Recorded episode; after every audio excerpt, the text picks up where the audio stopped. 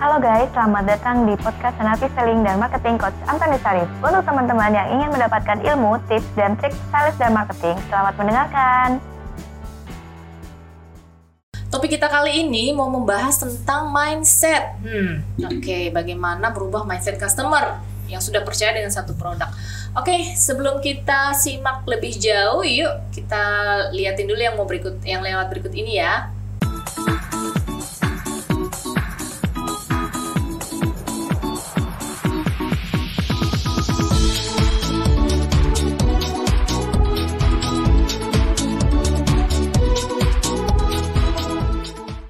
Di mana pun Anda berada, jumpa lagi dengan saya Namelani dan saat ini sudah ada dengan saya Coach Antonius Arif. Halo Coach. Halo. Sehat-sehat Coach. Amin. Baru selesai meeting ini. Baru selesai meeting ya Coach ya. Iya, selesai meeting dapat Kayaknya apa, cerah nih Coach. Iya, proyeknya dapat banyak ini. Kayaknya sampai akhir tahun kayaknya uh, full. Full ya. Full ya. Full. Wah. Ini padahal perusahaannya perusahaan besar. Iya, iya. Dan kita diajak meeting dengan semua uh, chiefnya. Chiefnya ya. Iya. Oke, okay, coach ini ada hmm. uh, pertanyaan yang datang dari sahabat sales yep. ke channel YouTube kita. Uh, dia ini sales dari salah satu produk perusahaan kendaraan. mobil. Iya, ya. mobil. Gak boleh sebut ya. merek ya, ya, karena dia nggak mempromosikan kita ya. Iya. Walaupun kalau uh, disinfektan pakai Nuvo ya katanya. Oh, iya. Oke, okay. nah uh, Pak Tommy, namanya Pak Tommy ya. Oh. Tommy, Tommy lagi? Iya. Kayaknya tadi lagi. bukan iya, sebelumnya Tommy iya, juga. Iya, dia banyak bertanya. Oh, dia banyak bertanya, dia banyak problem Galau ya. kayaknya. Galau ya. Oke. Okay. Hai Tommy. Iya. uh, beliau menanyakan bagaimana merubah mindset customer yang sudah percaya dengan satu produk apalagi produk ini sudah melegenda. Waduh, legenda ya? Iya. Ini legenda kayak perumahan di daerah Bekasi ya. Betul okay. produk yang legenda itu orang cuma sebut namanya kayaknya udah Selesai ya udah ya? percaya aja gitu ah, ya, okay. beli gitu. Ah, Oke. Okay. Nah, gini, kalau kita bicara mengenai penjualan. Sebenarnya penjualan itu ujung-ujungnya sama sih Bu dari awal hmm. pertama tetap menjalin hubungan dulu. Hmm. Tapi kalau saya sebelum menjalin hubungan, saya ada satu proses lagi Bu persisnya sebelumnya. Oh, okay. Yaitu melakukan riset, mereka hmm. punya problem apa. Hmm Dapat ya Bu? Iya. Mencari riset problem mereka apa. Kalau kita sudah tahu problem mereka, nanti pada saat kita mau jualan lebih gampang Bu. Kebanyakan sales kan nggak gitu. Iya. Bahkan kita sering banget lihat ya, bahkan juga sempat terjadi di beberapa tim kita juga kan. Kadang-kadang maju ke customer, nggak persiapan, nggak apa-apa, main tembak aja, ternyata malah babak belur. Iya. Tapi buat saya mengatakan ya wajar kalau sales dari awal-awal kadang-kadang kayak gitu. Kadang-kadang sales itu semakin jago, bahkan ada penelitian Bu sales semakin jago setelah tiga atau lima tahun dia jago, biasanya mereka sering melakukan blunder, Bu. Hmm. Blundernya apa? Mereka tidak lagi menggali kebutuhan. Mereka langsung kasih tahu, kamu problemnya ABC kan? Hmm. Nah, akibatnya ketika problem ABC, padahal belum tentu problemnya itu, maka penjualan langsung pih, hmm. jungkir, Bu. Jungkir itu. Nah, makanya pertanyaan yang menarik adalah apa yang harus dilakukan, Bu? Yang harus dilakukan riset. Apa kebutuhan mereka? Problemnya, dugaan problem mereka setelah sudah dapat dugaan problem, lanjutkan baru menjalin hubungan ngobrol. Hmm. Nah, ketika sudah ngobrol, kita gali kebutuhan. Hmm. Kita ambil contoh lah, ibu sudah puas memakai produk yang katanya melegenda. Hmm. Oke bu ya, kita langsung role play aja bu ya. Jadi yeah. biar teman-teman dapat gambarannya ya. Nah, misalkan contoh, uh, saya dengar uh, ibu bagaimana dengan produk yang uh, ibu pakai selama ini? Sudah puas bu? Wah puas. Oh puas ya bu ya. Wow. Kalau gitu berarti brand ini bagus banget ya servisnya ya. Oh iya. Nah menariknya ketika kadang-kadang orang dipuji, customer tuh belum tentu selalu mengatakan iya. Bisa iya bisa enggak karena mereka bilang enggak gitu juga lah kadang-kadang ada buruknya juga nah kita harus cari tahu bu buruknya itu apa karena orang Indonesia kalau dipuji-puji biasanya suka menjelek-jelekan atau merendahkan dirinya Betul nggak Bu? Oh berarti udah bagus dong.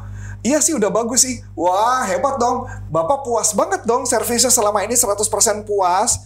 Biasanya muncul apa?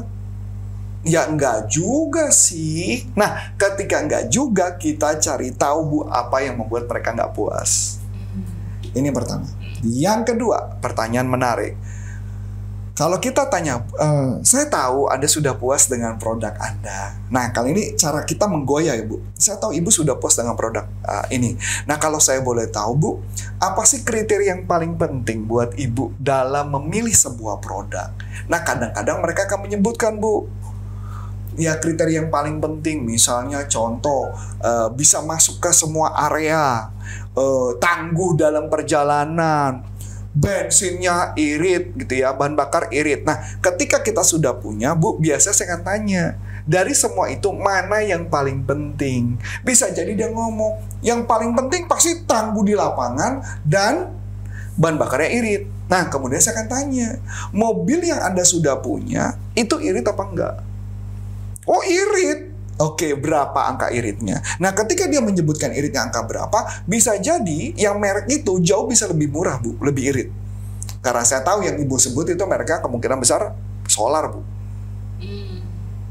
Kemungkinan solar, yang which is artinya lebih irit. Dan setahu saya, setahu saya mungkin saya salah, solar katanya biasanya lebih bandel. Katanya. Hmm. Katanya saya nggak tahu. Ya karena saya bukan jual mobil. Nah kalau mereka dibilang tangguh, apakah mobil yang merek melegenda itu tangguh? Belum tentu bu, bisa iya, bisa enggak, debatable. Betul ya bu? Iya. Nah jadi tugas kita memasukkan yang seperti itu. Jadi cari tahu apa yang menjadi kriteria penting. Nah kriteria penting itu yang kita masukkan sehingga kita bisa menggoyahkan kepada mereka. Nah setelah sudah kita dapat informasi, jangan buru-buru presentasi bu. Jangan buru-buru presentasi. Kok gitu coach? Nah gini, Eh, mohon maaf sebelumnya, ini kan namanya sales. Kayak kadang-kadang ngomongnya agak gila sih bu. Tujuan ngomong gila supaya eh, para sales tuh otaknya langsung nancep informasi. Saya suka sampai ngomong gini, mohon maaf ya izin ya untuk para ibu-ibu, mohon maaf saya izin untuk ngomong mungkin hal ini agak porno, tapi ini supaya langsung nancep di kepala. Saya ambil contoh bu. Ya, saya selalu nanya gini, "Eh, bapak-bapak dan bapak-bapak saya mau nanya, kalau ada wanita di depan anda telanjang bulat, Kira-kira Anda terangsang atau enggak? Mohon maaf ya, izin ya buat teman-teman ya. Kira-kira terangsang apa enggak? Kemungkinan mereka jawab tergantung. Wanita itu no, orang wanita waras atau enggak waras? Kalau nggak waras ya pasti enggak, karena takut, Iya. betul kan ya? Tapi kalau mama dia waras, kemungkinan bisa. Tapi pertanyaan menarik adalah, apakah pria langsung nafsu? Enggak, pria akan nafsu sepotong demi sepotong, Bu.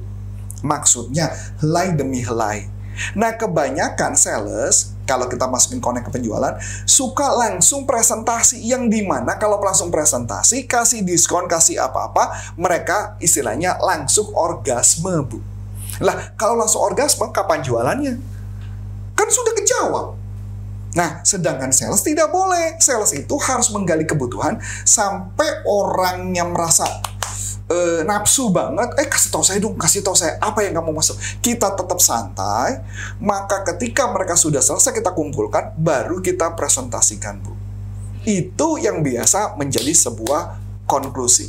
Kebanyakan yang pengalaman saya yang tadi pertanyaan Ibu, kemungkinan besar yang kemungkinan akan muncul apa, Bu? Mereka selalu ribut tentang harga sih, Bu. Saya yakin pasti harga. Harga ke kita kemahalan. Harga kita gini, walaupun yang tadi ibu sebut gitu ya, mungkin mohon maaf uh, brandnya kita nggak bisa kasih tahu. Harganya menurut saya tidak lebih mahal sih, harganya lebih murah sih bu. Nah, kadang-kadang kenapa suka gagal? Kadang-kadang project kalau masuk ke corporate, ini yang gagalnya kenapa bu?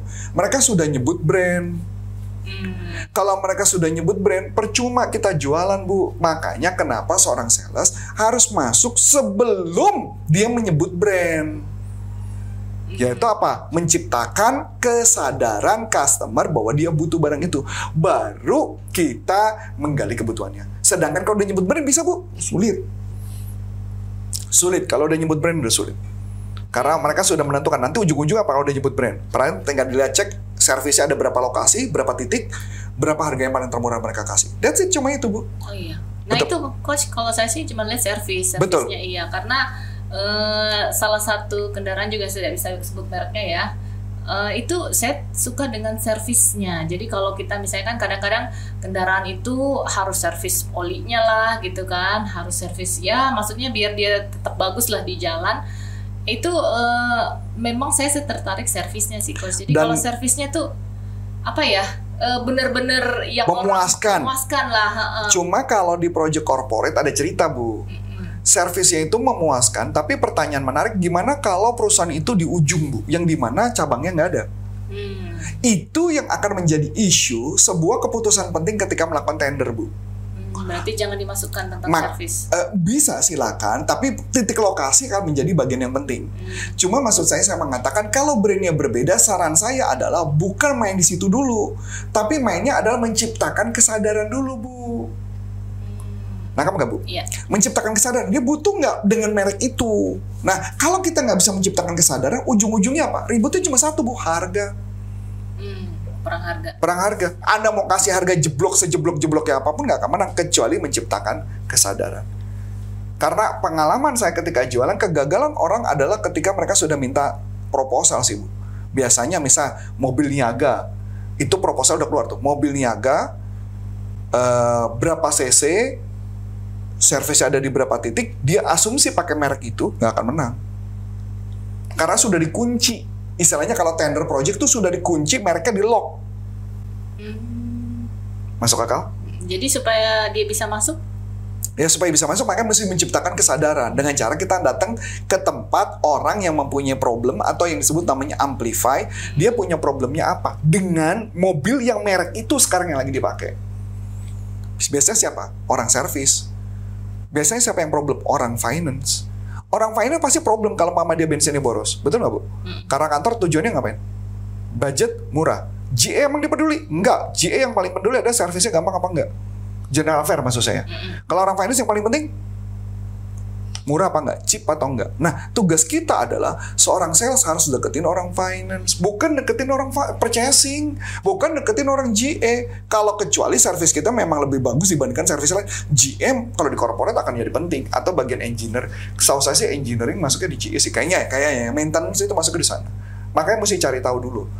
Makanya kalau main project kita nggak bisa ngejarin cuma satu titik nggak bisa bu. Jadi harus datang ke tempat bagian maintenance. Kalau di perusahaan-perusahaan pabrikan-pabrikan atau manufacture atau pertambangan biasanya ada bagian maintenance. Nah, eh, Pak Tommy mungkin sudah terjawab kali ya pertanyaannya. Kalau memang masih ada yang mau ditanyakan, boleh langsung ditanyakan ke channel YouTube Hmm. kami. Namun boleh dicoba dulu tuh tadi sarannya Coach Arif gitu ya. Jadi menciptakan kesadaran dulu ke Hmm. mereka. Apalagi kalau mereka memang sudah terpatok nih di pikirannya Merek itu. satu produk, iya dengan merek itu ya. Oke, eh, Coach Arif kalau mau lihat pelatihan pelatihannya di mana ya Coach? Bisa masuk ke salesuniversity.id. Di sana Oke. bahkan ada pelatihan-pelatihan online kami dan buat corporate bahkan kalau ada beberapa tim Anda bisa masukkan register berdasarkan nama corporate dan kemudian kita bisa melakukan tes kepada anak buahnya. Mereka punya kelemahan di dunia penjualan di bagian apa? Hmm, Wah menarik ya. Jadi nanti kami memberikan rekomendasi pelatihan-pelatihan apa yang cocok. Asik ya?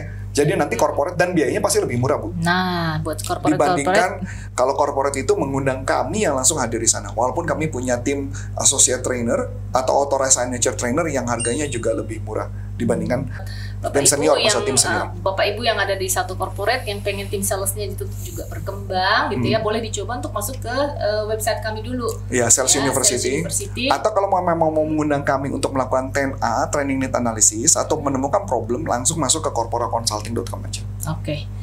Oke baik sahabat sales di mana pun anda berada sampai di sini dulu bincang-bincang kita dengan saya Ana Melani dan, Dan saya Coach Antoni Sarah mengucapkan terima kasih sukses buat Anda. Sampai jumpa. Salam performan. Bye bye. Nah, untuk teman-teman yang sudah menerangkan, terima kasih ya dan nantikan podcast selanjutnya.